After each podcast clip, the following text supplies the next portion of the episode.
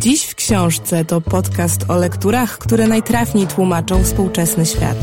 Co miesiąc opowiadam i rozmawiam z gośćmi o literaturze, która posłuży nam za pretekst i soczewkę do przyglądania się teraźniejszości. Podcast powstaje we współpracy z Wrocławskim Domem Literatury i Wrocławiem, miastem literatury UNESCO. Zapraszam, Zuzanna Kowalczyk.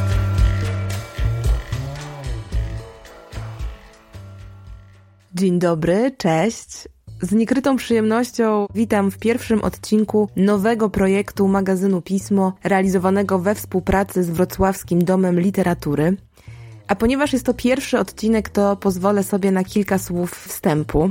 Bo nie będzie to klasyczny podcast literacki, nie będą to też rozmowy z autorkami i autorami o ich świeżo wydanych książkach, ale książki odegrają w tym podcaście niemałą rolę, ponieważ posłużą mi i moim gościom za punkt wyjścia do przyglądania się światu.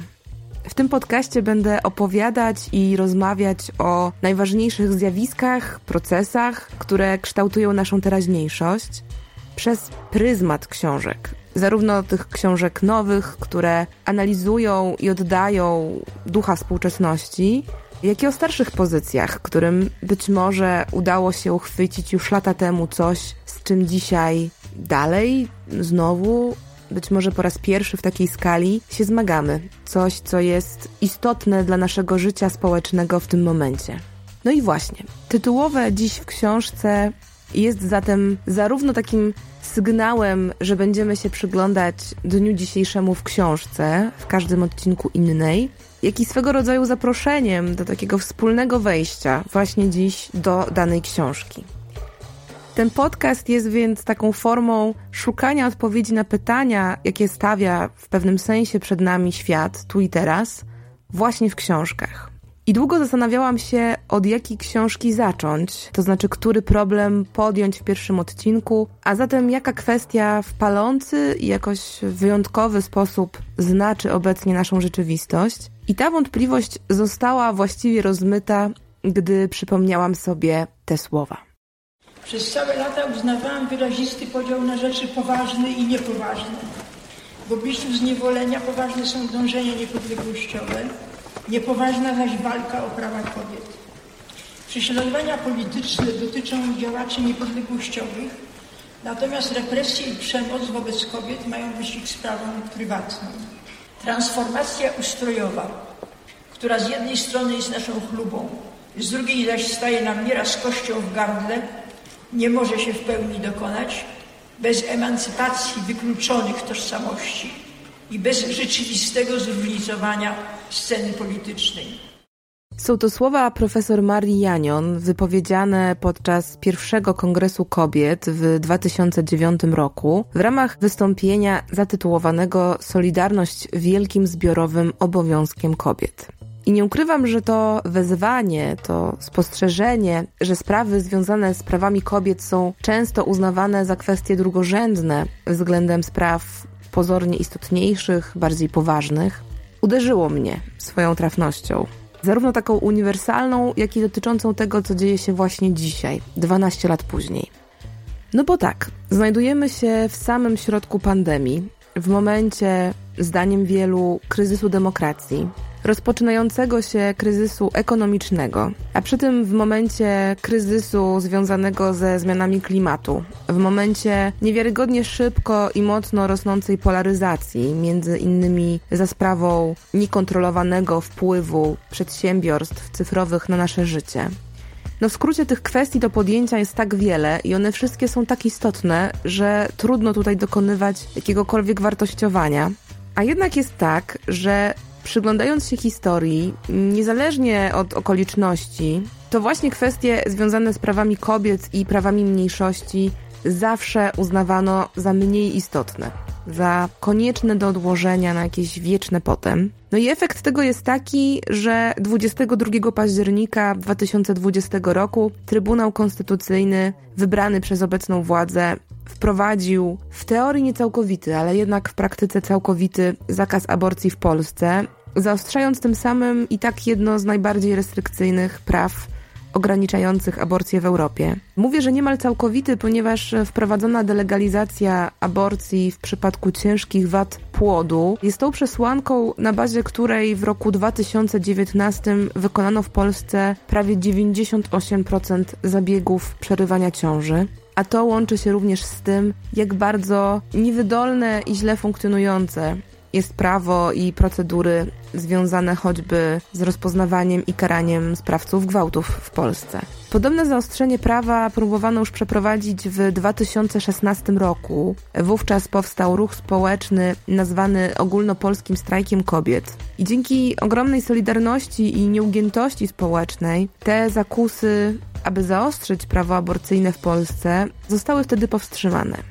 Jesteśmy 4 lata później, w momencie pandemii, a więc w takim momencie, w którym bardzo trudno jest wyrazić taki obywatelski sprzeciw. Bardzo ciężko jest się zmobilizować społecznie w tych wszystkich restrykcjach i obostrzeniach, w których musimy funkcjonować. A prawo aborcyjne w Polsce zostało zaostrzone. Od października pomimo pandemii na ulicach odbywają się jedne z największych protestów społecznych ostatnich lat. Więc w sumie niezależnie od tego, jaką kto ma opinię w kwestii aborcji, nie sposób jest uciec od tego, że temat aborcji stał się z powrotem tematem numer jeden debaty publicznej. Nie tylko w obrębie dyskusji o tym, jak powinno wyglądać prawo aborcyjne w Polsce, ale również na poziomie dyskusji o tym, czy temat praw kobiet jest tematem zastępczym wobec innych problemów i poczynań władzy, od rozmontowywania niezależnych instytucji po głęboki kryzys systemu ochrony zdrowia. Ale może właśnie dlatego, że dzieje się tak wiele, jestem przekonana, że tego dziś nie da się zrozumieć, nie zgłębiając tematu współczesnej pozycji i sytuacji kobiet w społeczeństwie. Oraz, że poniekąd mamy, mam jakiś taki obowiązek nie spychać tego tematu ciągle do drugiej ligi, jeśli idzie o wagę problemu. I dlatego też proponuję przyjrzeć się temu dziś w książce profesor Marii Janion Kobiety i duch inności. Uważam zresztą, że profesor Janion to doskonała matronka dla pierwszego odcinka właśnie tego podcastu, bo sama mówiła, że przez literaturę w jakiś sposób y, postanowiłam opowie opowiedzieć, stworzyć taką narrację o świecie, opowiedzieć świat, y, jego problemy jakby od nowa, inaczej. Dla profesor Janion literatura była takim naturalnym punktem wyjścia do myślenia o współczesności, takim najlepszym materiałem do lepszego i głębszego rozumienia i rozpoznawania procesów, które zachodzą, a które swoje źródła mają nierzadko właśnie w tradycji, w kulturze, w słowie pisanym, w narracjach przyjętych jako te dominujące. No głównie dlatego, że niezależnie od tego, co się dzieje, kluczowe jest to, jak sobie opowiemy to, co się dzieje. Ale po kolei. Profesor Janion urodziła się w 26 roku w Mońkach, a zmarła ostatniego lata w Warszawie była jedną z największych i najważniejszych współczesnych historyczek literatury polskiego i europejskiego romantyzmu, historyczką idei, krytyczką literacką, wykładowczynią akademicką i sądzę, że dla wielu matronką polskiego feminizmu, jedną z pierwszych badaczek też, które zwróciły uwagę polskiej humanistyki na takie tematy pozornie poboczne i pozornie graniczne związane właśnie z queerem, innością, odmiennością i koniecznością poszerzania tak zwanego kanonu o te właśnie odmienne perspektywy. Była naukowczynią, która proponowała przede wszystkim wolnościowy i taki rewolucyjny namysł nad historią kultury, a przez to w ogóle nad rzeczywistością społeczną. I to te wolnościowe i takie rewolucyjne wątki z tej kultury całe życie wyciągała na światło dzienne. Jej wykłady i seminaria były, no, zdaniem wielu, jednymi z najważniejszych wydarzeń i spotkań intelektualnych dla wielu pokoleń młodych naukowczyń i naukowców. Obok zainteresowania romantyzmem i jego wyjątkowym wpływem na całą późniejszą kulturę i polską współczesną tożsamość, w tym naszą kondycję polityczno-społeczną, fascynowały Marię Janion zawsze tematy związane z wyobraźnią symboliczną, motywacjami i przejawami zła, ale też z grupami wykluczanymi od mniejszości żydowskiej w Polsce po właśnie kobiety. Po II wojnie światowej Maria Janion przeprowadziła się z rodziną z Wilna do Bydgoszczy, a studia ukończyła na Uniwersytecie Łódzkim. Od 1949 roku była związana z Instytutem Badań Literackich Polskiej Akademii Nauk. Później podczas wydarzeń, chociażby w roku 68, co uważam za dość istotne, była bardzo mocno i jednoznacznie przeciwna popieranej przez część środowiska akademickiego kampanii antysemickiej na uniwersytecie. W 1994 otrzymała doktorat honoris causa Uniwersytetu Gdańskiego i głównym przedmiotem badań pozostał do samego końca romantyzm i to właśnie profesor Janion zawdzięczamy takie bardzo pogłębione i zróżnicowane spojrzenie na romantyzm. Epokę, zdaniem Janion, wyjątkową dla kultury polskiej. Epokę, której taka szczególna pozycja tłumaczy całą masę sprzeczności i trudów, jakie znaczą współczesną Polskę. Ja pamiętam, jak kiedyś mówiłam o tym, bo ktoś mi mówił, a, bo pani to tak się strasznie boi, żeby ten paradygmat romantyczny nie zaginął. Ja powiedziałam, że mnie nie idzie wcale o ratowanie zagrożonego paradygmatu romantycznego. Jeżeli on nie ma nam nic do powiedzenia ważnego, to niech sobie ginie. Mnie to nic nie obchodzi. Natomiast y, on mi ma coś ważnego do powiedzenia, bo chodzi właśnie o tę duszę w demokracji w demokracji, która zbyt często jest utożsamiana z wolnym rynkiem. Nie może być utożsamiana tylko z wolnym rynkiem. Do jej najważniejszych książek można zaliczyć niesamowitą słowiańszczyznę, gorączkę romantyczną, romantyzm i historię, czy projekt krytyki fantazmatycznej, szkice o egzystencjach ludzi i duchów.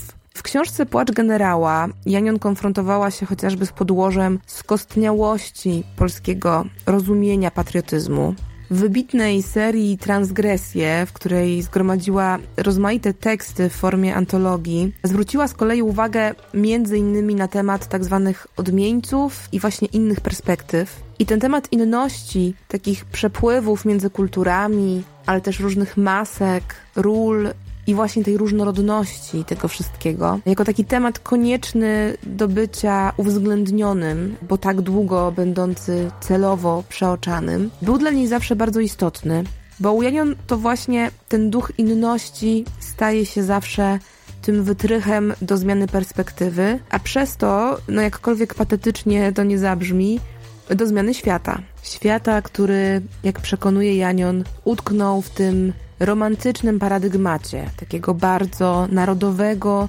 katolickiego i patriarchalnego rozumienia przeszłości, ale też ról społecznych czy metod sprawowania władzy, podczas gdy tych rozumień, spojrzeń i możliwości jest o wiele więcej. Zdaniem Janion właśnie to wyparcie tej różnorodności jest takim największym przekleństwem naszej kultury, ale jest też przy okazji projektem obliczonym na takie bardzo konkretne rozumienie świata, na przedstawianie nam bardzo konkretnej wizji tego świata i przekonywanie nas do tego, że ta wizja jest jedyną prawdziwą i słuszną.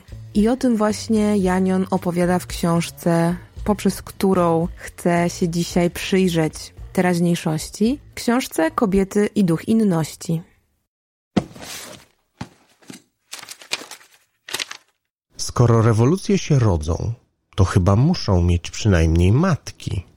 Matki, kochanki, siostry, ciotki, ale i święte lub mniej święte patronki, wojowniczki, bojowniczki, amazonki. Kobiety i duch inności. Kobiety i duch inności to książka wydana w 96 roku. Profesor Janion prowadzi w niej narrację w duchu tak zwanej krytyki feministycznej. To znaczy zaczyna się krytycznie przyglądać figurom kobiet w literaturze, ale też odczytom tych figur i tym, które z tych figur zostały celowo z historii wykreślone. I profesor Janion zwraca uwagę przede wszystkim na to, co było konsekwentnie przeoczane lub wykreślane, tak by kobiety pokazywać wyłącznie w jeden bardzo spójny z patriarchatem sposób. No i to, co robi Janion w kontrze, to pokazuje i wydobywa z tej historii literatury, kultury właśnie figury kobiet kompletnie odwrotne, czyli kobiet wolnych, niezależnych, silnych. I właściwie czy mowa o patriotyzmie, czy właśnie o przedstawieniach kobiet, to profesor Janion zawsze zwraca uwagę na to, że w kulturze wcale nie brakowało nam tych rozmaitych rozumień i perspektyw. Że to nie jest jakiś wymysł współczesności, że próbujemy te narracje i opowieści jakoś dywersyfikować, ale że tych rozmaitych rozumień i perspektyw zawsze było wiele, tylko z czasem wybrano jeden rodzaj narracji i uznano go za jedyny obowiązujący, bo ktoś w ten sposób coś bardzo konkretnego zyskiwał. I to, co robi z tym profesor Janion, to niejako odzyskuje, tak jakby odbija to rzeczywiste, a więc takie nieoczywiste i różnorodne spojrzenie. W tej książce na kobiecość, choć można to rozszerzyć o wszelkie przejawy odmienności, nieakceptowanej przez patriarchat, wszystkie te elementy, które nie mieszczą się w skostniałej kulturze patriarchatu,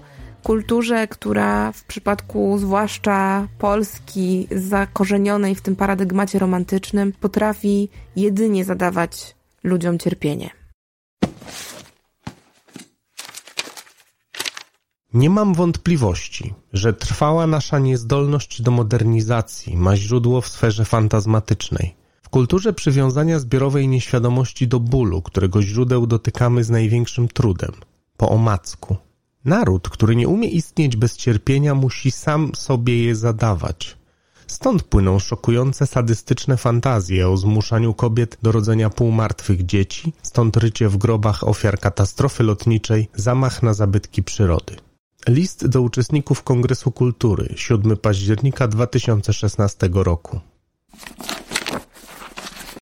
A o tym, jak poprzez myśl profesor Marii Janion czytać to, co dzieje się dzisiaj, porozmawiam z Agatą Araszkiewicz, doktorką nauk humanistycznych, historyczką literatury, krytyczką sztuki, autorką m.in. monografii Wypowiadam Wam moje życie, melancholia Zuzanny Ginczanki, zbioru esejów Nawiedzani przez dym, czy książki Zapomniana rewolucja, rozkwit kobiecego pisania w dwudziestoleciu międzywojennym, współzałożycielką Porozumienia Kobiet 8 marca, członkinią Rady Programowej Kongresu Kobiet, feministką i naukowczynią, która swoją pracę doktorską rozpoczynała pisać właśnie u profesor Marii Janion w Polskiej Akademii Nauk w Warszawie. Posłuchajcie.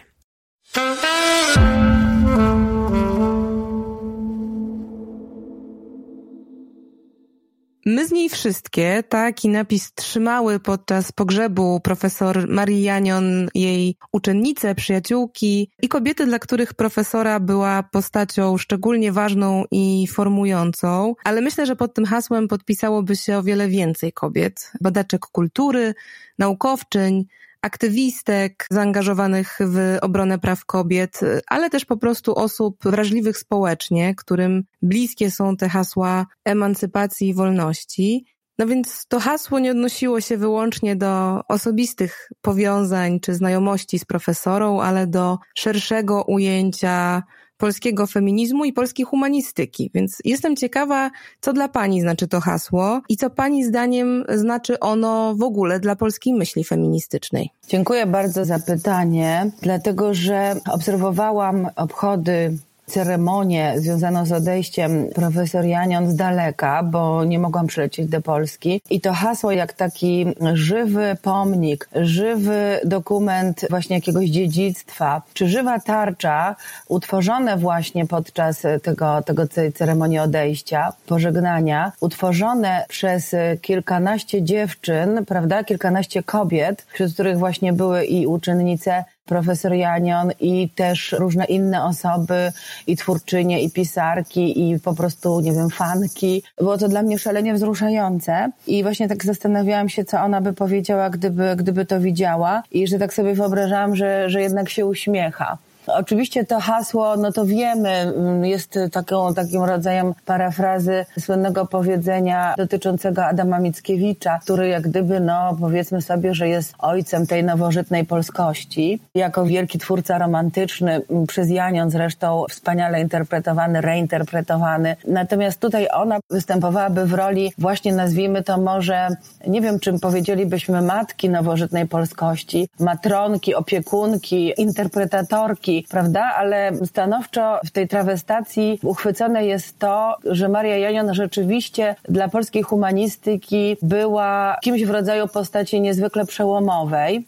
Ja bym nawet powiedziała o takim zwrocie janionowskim w polskiej humanistyce. Przede wszystkim oczywiście chodzi tutaj o jej rozumienie feminizmu i wprowadzenie feministycznej myśli do nauki humanistycznej, do czytania literatury, do widzenia kultury, do rozmyślań na temat znaczeń otaczającego nas świata. Dla Janion praca intelektualna, myślenie, pisanie wiązało się z pewnego rodzaju zobowiązaniem dotyczącym naszego egzystencjalnego wymiaru. I to jest takie rozumienie humanistyki jednak jako niezwykle sprawczej siły transformującej. Jednym z takich pierwszych ważnych tekstów, jakie przeczytałam po odejściu profesor Janion, był artykuł Michała Pawła Markowskiego w dwutygodniku pod tytułem Artystka przemienienia, który to tekst wydał mi się szalenie smutny w pewnym sensie. Badacz bardzo dokładnie odnosił się do różnych aspektów w myśleniu Janion, właśnie do też jej rozumienia romantyzmu czy marksizmu jako też takiej rewolucyjnej siły.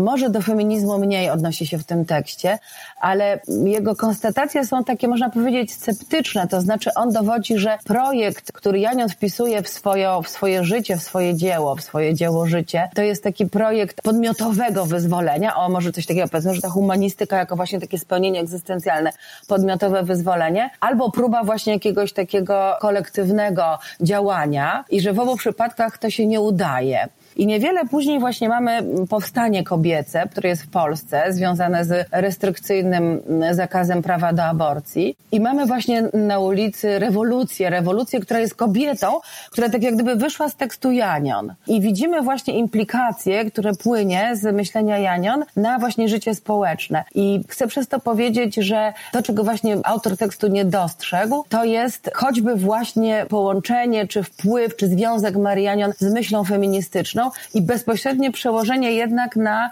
jakąś taką performatywność społeczną. To znaczy i Manifa, i pewien ruch intelektualny związany z polskim feminizmem lat 2000 zrodziły się na seminarium Janion. No właśnie, no bo nie bez powodu właśnie dzisiaj rozmawiamy o polskiej myśli feministycznej. Dziś, czyli w momencie, w którym chyba wszyscy mamy poczucie jakiegoś takiego pęknięcia, jakiejś takiej nieuniknioności zmiany, ale też dostrzegamy coraz szerzej rozlewający się bunt, jakieś takie społeczne niezadowolenie i głos sprzeciwu. Jesteśmy po wiośnie, która była dla nas wszystkich szokiem związanym z wybuchem pandemii. Lecie, które upłynęło pod znakiem protestów przeciwko dyskryminowaniu osób LGBTQ w Polsce. No a jesień i zimę zdominował ogólnopolski strajk kobiet. W związku z tym, wychodząc od książki profesor Janion, Kobiety i duch inności, chciałabym zapytać panią jako naukowczynię, feministkę, ale też uczennicę profesor Janion, co jest źródłem tej głęboko zakorzenionej w polskiej kulturze mizoginii i dlaczego polskość ma, zdaniem niektórych, wykluczać inność? Z czego to wynika? Z czego to się bierze? I jak przy pomocy tych kodów, narracji, tych znaczeń, które proponowała profesora, możemy lepiej zrozumieć to, co dzieje się dziś w naszym kraju? Kultura polska, zwłaszcza w tej epoce nowożytnej, musi jakoś sformułować się, prawda, zdefiniować się w bardzo trudnej sytuacji właśnie politycznej, z bardzo trudnym takim dziedzictwem historycznym, jakim jest epoka rozbiorów i właśnie to nieistnienie polityczne. I cała nasza nowożytna wrażliwość, właśnie ta nowożytna polska wrażliwość zorientowana jest na współczucie wobec losu zbiorowego bardzo trudno jest się wyzwolić z piekielnej dynamiki, tej, tej, tego właśnie obowiązku niepodległościowego, tego myślenia związanego z cierpieniem ojczyzny, który właśnie pożera, nie daje żyć. I z jednej strony właśnie trzeba to podkreślić, z innej, innym językiem ja bym powiedziała, że doświadczenie historii właśnie w polskiej kulturze, tej historii nowożytnej jest właśnie tym doświadczeniem tragicznym. Nie jest doświadczeniem sprawczym, w związku z tym wytwarza wiele postaci kompensacyjnego przeżywania, jak właśnie ten nadmierny, nadmierna emfaza martyrologii, nadmierne uwielbienie uwielbienie właśnie bólu, śmierci, cierpienia. To rozpoznanie, które właśnie zawdzięczamy Marianian jako właśnie rozpoznanie tej klęski paradygmatu romantycznego, jest strasznie ważne, żeby odnieść się do tego Pani pytania. Chcę tutaj powiedzieć, że profesor na początku lat 90. ogłosiła koniec tego paradygmatu romantycznego. To znaczy znaleźliśmy się nagle w czasach, jak niektórzy mówili, końca historii, w których wydawało się, że dotychczasowe zasady, prawda, istnienia symbolicznego czy dosłownego kulturze, w, w polityce, w sensie politycznym, przestają istnieć i teraz będą jakieś takie nowe, związane z, nie, z, nie, z wtedy jeszcze nie, nie wiadomo, jak sobie miałyśmy ją wyobrażać właśnie wolnością. Ale dosyć szybko okazało się, że to jest niemożliwe, że nie można po prostu rozwijać niczego bez przepracowania podstawowych wzorów. A podstawowy wzór kultury polskiej szalenie hierarchizuje mm, jak gdyby podmioty ze względu na płeć, uprzywilejowuje właśnie tą patriarchalną tradycję. Paradygmat romantyczny to jest paradygmat patriarchalny którego podstawowym archetypem obecności kobiet w kulturze w XIX wieku to jest właśnie ta matka Polka, wehikuł produkujący jak gdyby bojowników. Janion pisała o harmiderze wojowników Boga honoru ojczyzny, który jak gdyby zakłóca nam prawidłowe i możliwe rozpoznanie siebie, odnalezienie siebie w rzeczywistości politycznej, w której jesteśmy. Właśnie Janion, wydaje mi się, jest jedną z badaczy, która najlepiej opisała właśnie ten paradygmat kultury polskiej niezdolnej, bez głębokiego przewartościowania siebie i zakwestionowania siebie do otwarcia się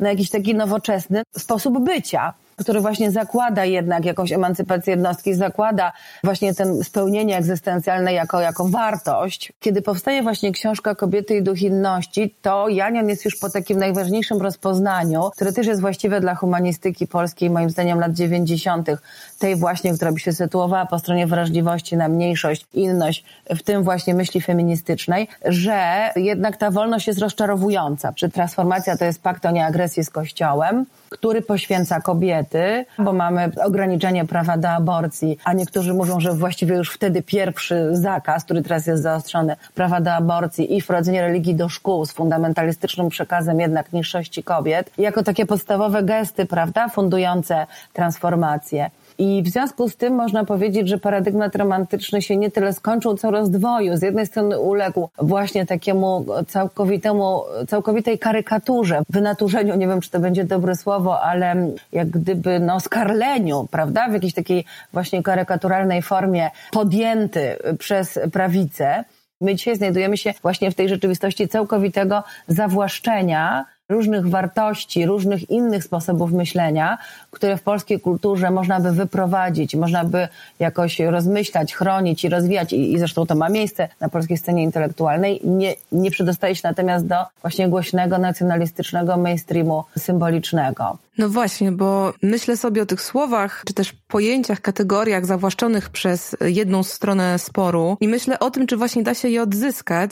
W tym tekście, o którym pani wspomniała, Michała Pawła Markowskiego dla dwutygodnika, Michał Paweł Markowski pisze w nim, że Janion dla lewicowej polskiej wyobraźni, zainteresowanej odzyskiwaniem zmarginalizowanych wartości, zrobiła ogromnie dużo, a niemiły paradoks polega jedynie na tym, że jej królestwo, polska kultura romantyczna, zostało bezszczelnie ukradzione przez prawicę jako symbol autentycznych polskich wartości. I pytanie, które jakoś tak się nasuwa y, mimowolnie, brzmi, jak zatem to królestwo odzyskać? Czy to jest w ogóle możliwe, czy w tym rozdwojeniu, tym pluralizmie tych dwóch ścieżek romantycznych, czyli z jednej strony tego nurtu mesjanistyczno-martyrologicznego, tego zakotwiczonego w katolicyzmie i, i patriarchacie, a z drugiej strony tej ścieżce wolności, emancypacji i prokobiecości, czy jesteśmy w stanie znaleźć tu jakieś wyjście z tego klinczu? Czy, czy twórczość profesor Janion dostarcza nam jakiegoś pocieszenia, jakiejś rady, czy ta polska gorączka romantyczna w tym klinczu jest jednak nieuleczalną chorobą. No właśnie, to bardzo ciekawy cytat. Podała Pani właśnie kwintę, jakby będąc rodzajem takiej kwintesencji właśnie tej recepcji, którą Markowski proponuje, ale wydaje mi się, że właśnie w tym cytacie widać już taki, nie wiem, pewien błąd logiczny, ja bym powiedziała, to znaczy jak gdyby kogoś, kto diagnozuje stan kultury jako w jakimś sensie ułomny, oskarżamy o tę ułomność. To jest takie jak gdyby zabijanie posłańca, czy posłańczenie w tym tym momencie. Dlatego, że dokładnie tak jak pani mówi, wydaje mi się, że raczej należałoby widzieć pracę Janion, pracę właśnie odnowy przewartościowania znaczeń związane z polską kulturą, jako bardzo taką poważną i wymagającą próbę podjęcia przewartościowania kultury polskiej, w jakimś sensie wypracowania innego sposobu rozumienia jej przez nią samą, właśnie jak gdyby podejmując wątki związane z tą kulturą. To znaczy ta karykatura paradygmatu romantycznego to jest jedna z jakby no, takich tragicznych porażek symbolicznych e, właśnie polskiej myśli, ale do tego kultura polska się nie sumuje. Właśnie w kulturze polskiej są również inne tradycje myślenia, również wywodzące się z romantyzmu, czy wypracowane później, które możemy podjąć. Na pewno jedną z tych tradycji jest właśnie feminizm. Kiedy mówię, że paradygmat romantyczny się rozdwoił, to mam na myśli to, że z jednej strony właśnie uległ tej karykaturze, z drugiej, na przykład polska literatura ciągle przecież dzisiaj zdominowana jest również przez rodzaj właśnie takiej misji publicznej. To się jak gdyby nie, nie, nie do końca zmieniło. Bardzo trudno jest właśnie kultywować taki paradygmat egzystencjalny, czy taki właśnie, widzimy to również w polskim filmie zresztą, że różne rodzaje mikronarracji, czy narracji intymnych przyćmiewa ciągle właśnie ta potrzeba tej wielkiej narracji właśnie moralnej, która właśnie ma tą jakąś taką siłę moralną. Bo można sobie zadać pytanie, dlaczego właśnie kultura polska tak bardzo hierarchizuje na przykład tożsamości genderowe? Dlaczego tak bardzo dyskryminuje właśnie tożsamości mniejszościowe? Dlaczego właśnie ciągle opowiada siebie w tym, ja bym powiedziała, kompensacyjnej potrzebie jako właśnie taka wyższościowa, nacjonalistyczna? Dlaczego kanon literatury polskiej jest tak szalenie nacjonalistyczny? No i właśnie dlatego, że należy rozpoznać, że to jest pewien sposób, prawda, opowiadania kultury polskiej, który wyklucza, pomija różne inne wątki, które się w niej rozwijają, ponieważ kultura polska podlega podobnej dynamice jak cała kultura zachodnia ze swoimi różnymi tam fazami rozwoju i, i, i tematami i tak dalej. Natomiast one jak gdyby jakoś nie odkładają się, nie przychodzą do takiego mainstreamu myślenia o kulturze, nie przykładają się do tej głównej, dominującej opowieści symbolicznej. I tak jak gdyby naszym zadaniem jest, i to właśnie przede wszystkim też y, było celem właśnie humanistyki Janion, jest wyczytywanie z tej kultury tych właśnie treści, które ją jak najbardziej właśnie kwestionują które ją dynamizują, które ją nie, nie konserwują, które ją też destabilizują. Czyli to jest w tym momencie właśnie takie otwarcie na inność, na wykluczenie, na właśnie opresję, na marginalizowanie. No właśnie, ale czy w takim razie za pośrednictwem włączania tych innych narracji, uruchamiania tych różnorodności perspektyw, przywoływania tego tytułowego ducha inności, jesteśmy w stanie dokonać jakiejś realnej zmiany w tej bieżącej sytuacji? To znaczy przełamać i wyeliminować tę naszą taką nieznośną konieczność zadawania sobie cierpienia, o której mówiła profesor Janion? Czyli innymi słowy, czy ten duch inności jest w stanie przegonić ducha tego patriotycznego kiczu?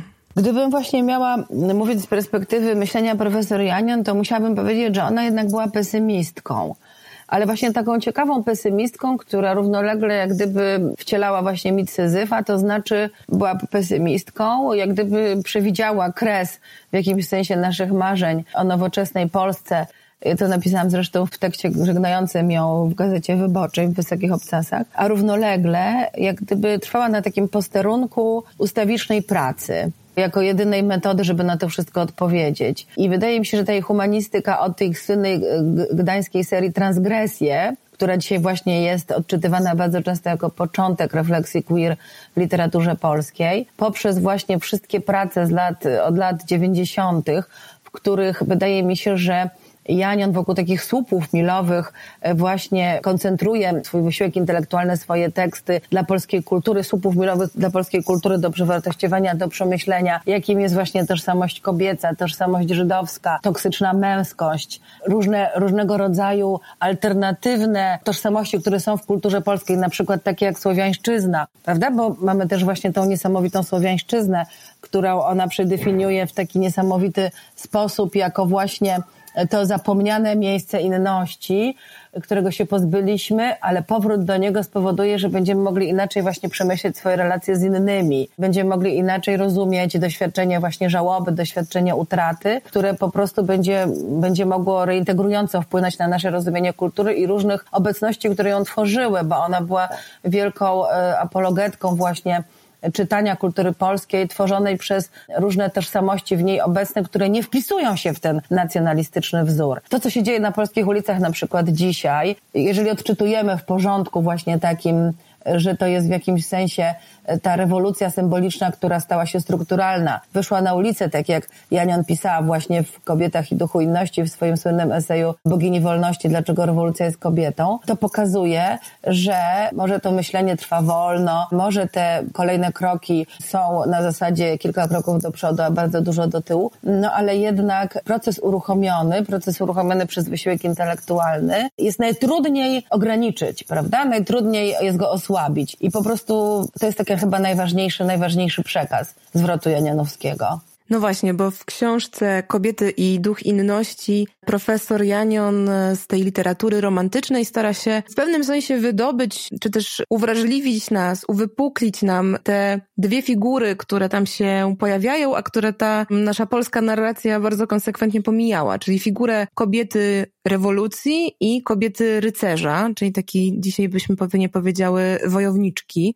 I to, co jest dla mnie bardzo ciekawe, to to, że z jednej strony mamy te obrazy kobiecej siły, jako właśnie siły zmiany, siły idącej na barykady i siły stawiającej opór, a z drugiej jest takie bardzo ciekawym zagadnieniem w tym kontekście jest u profesor Janion kategoria szaleństwa. No bo z jednej strony to szaleństwo ma być tym odwróceniem perspektywy, takim potencjałem wywrócenia porządku, tej właśnie transgresji, no ale jednocześnie szaleństwo jest przecież też tym pojęciem, które w tradycyjnym ujęciu staje się często orężem wykierowanym przeciwko kobietom. W kontekście tego, co się dzieje dziś na ulicach, przecież niejednokrotnie słyszymy, że protestujące kobiety to wariatki i histeryczki. Przypisywanie tego szaleństwa kobietom ma być e, takim dowodem na ich niezdolność do podejmowania racjonalnych decyzji. No właśnie, a tymczasem profesor Janion, jedna z najważniejszych polskich naukowczyń feministycznych, stwierdza w swojej książce wprost, kobieta jest szaleństwem. Jak to rozumieć tak afirmatywnie? Tutaj może byśmy wróciły do samej idei romantyzmu, która wydaje mi się, że dla Janion przede wszystkim to było, dla niej doświadczenie romantyczne to było przede wszystkim doświadczenie, czy sztuka rozumienia egzystencji inaczej. Egzystencji, która nie jest próbą normy, tylko właśnie jest otwarciem się na to wszystko, co jest doświadczeniem pozanormatywnym, ale też do otwarcie się na, na, na, na cierpienie i ból innych. I tak jak Janion zawsze podkreślała, że mesjanizm jest przekleństwem, tak, pokazywała, że można na przykład w inny sposób przeczytać czy myślenie Mickiewicza, czy Relewela, albo nawet gest Kościuszki i wypracowywać zupełnie inne znaczenia niż te, które sklerotyczny mesjanizm jak gdyby ciągle nam zasuwa jak mgłę na oczy. I też właśnie to doświadczenie romantyzmu jako egzystencji, który nie boi się właśnie transgresji, to słowo już padło, który nie boi się właśnie szaleństwa, który nie boi się podważenia wszystkiego, zaryzykowania wszystkiego, takiego jechania po bandzie w pewnym sensie, jako warunku w gruncie rzeczy no, przeżycia czy rozumienia egzystencji, prawda? Czyli tutaj jak gdyby ta możliwość czy zdolność wejścia w coś ryzykownego, w coś podważającego ład, czyli też taki rodzaj doświadczenia rewolucyjnego jest jak gdyby nieodzowny, żeby w ogóle cokolwiek zrozumieć tak, żeby w ogóle wiedzieć, co przeżywamy, ale też rozumieć, no oczywiście historię, rozumieć duże narracje i tak dalej, w połączeniu jak gdyby z tym właśnie doświadczeniem osobistym, z tym doświadczeniem egzystencjalnym. Więc to jest takie bardzo interesujące, jak gdyby romantyczne połączenie, które Janion ocala, jak gdyby na zawsze w swoim myśleniu i to pozwala jej na przykład spojrzeć na tę figurę topos kobietę, która jest alegorią rewolucji, chociaż jest najczęściej pierwszą jej ofiarą. Ten los kobiety jako szalonej, który, ta figura szalonej, która ma dyscyplinować kobiety, jak gdyby tutaj się pojawia jako właściwie miejsce, na które kobieta jest skazana, jeżeli pragnie czegokolwiek innego niż, niż podporządkowanie. W ten sposób właśnie widzi tą rewolucyjność kobiety, że jej miejsce w porządku patriarchalnym jest tak jak gdyby sprzeczne, jest tak obrośnięte sprzecznymi znaczeniami, jest miejscem podporządkowania, że ten szał rewolucyjny, który często widziano w kobietach podczas, to są takie właśnie zapisy fantazmatyczne, które ja nie uwielbiała studiować, czy historyczne, czy literackie, czy ikonograficzne, właśnie tego rewolucyjnego szału, który kobieta lepiej uosabiała, z jednej strony dlatego, że jako podporządkowana nagle tutaj ona była po stronie właśnie tej anarchii, podważenia porządku. Z drugiej strony dlatego,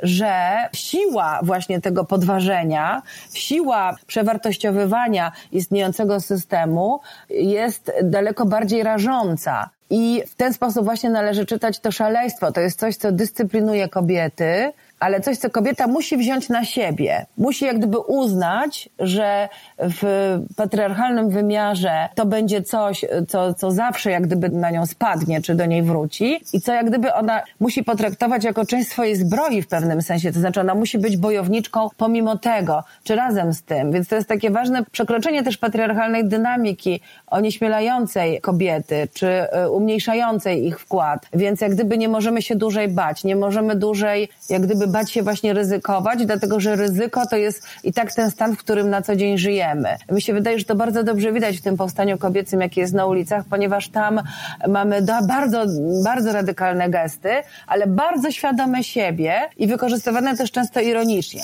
Już komentowano przecież tą e, niesamowitą innowacyjność słowotwórczą, która znajduje się w hasłach. E, główne hasło, które jest zresztą wypowiedziane również tym językiem wulgarnym, można powiedzieć, tym językiem spoza granicy normy, spoza zasad przyzwoitości, to słynne hasło wypierdalać, które kiedy było bardzo krytykowane w, w mainstreamie publicznym, któryś z protestów chyba lokalnych zamienił na to słynne hasło uprzejmie prosimy uciekać prędziutko, ale przykładów właśnie tego dowcipu, e, fantazji, jak gdyby właśnie takiej słowotwórczej, kulturotwórczej, sensotwórczej było bez liku. Więc to by pokazywało też, że właśnie kobiety są w stanie jak gdyby tą lekcję z e, eseju Bogini Wolności, dlaczego rewolucja jest kobietą, przyswoić. Ta, ta lekcja jest przyswojona, ona jest w jakimś sensie przetrawiona. My jesteśmy już krok dalej.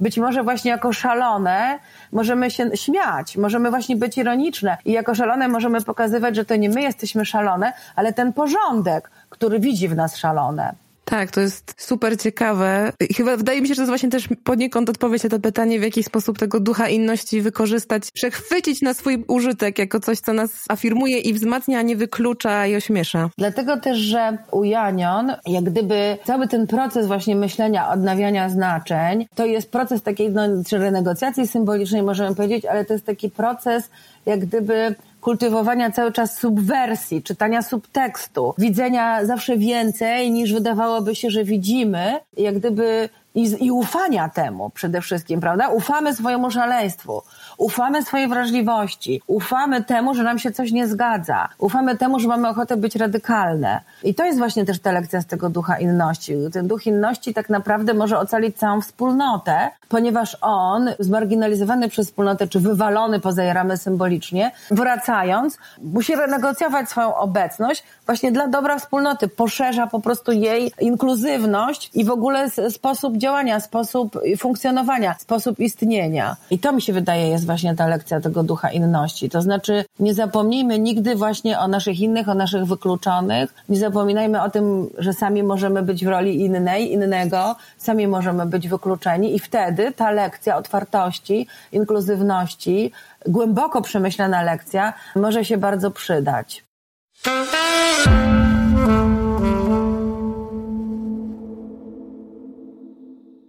No to na koniec pytanie stałe w tym podcaście. Jaką inną książkę poleciłaby Pani w tym kontekście, w tym temacie, dla lepszego zrozumienia tego, co się dziś dzieje i dlaczego akurat te?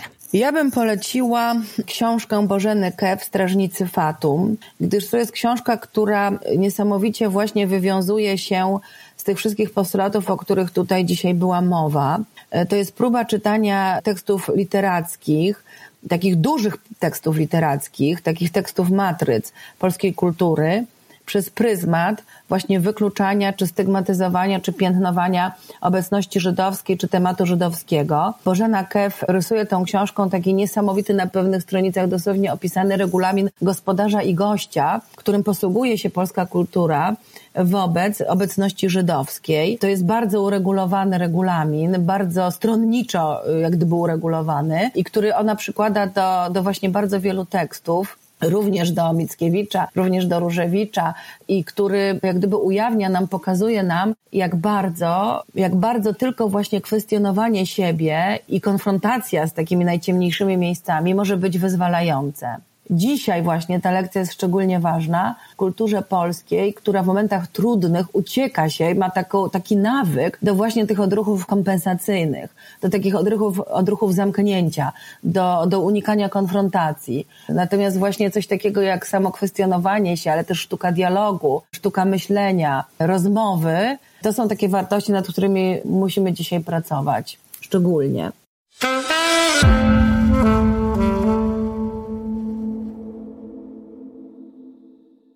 Pięknie dziękuję mojej rozmówczyni, dr Agacie Araszkiewicz. Pięknie dziękuję też Wam, którzy wysłuchaliście tego podcastu do końca. Mam nadzieję, że to otwarcie na ducha inności i rozmowę będzie takim postulatem, który od profesor Marii Janion pożyczymy na dłużej i o ile y, można tak powiedzieć, na głębiej.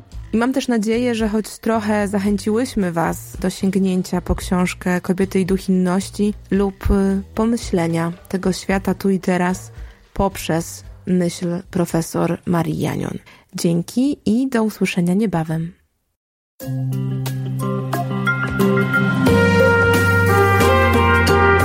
Pismo. Magazyn opinii.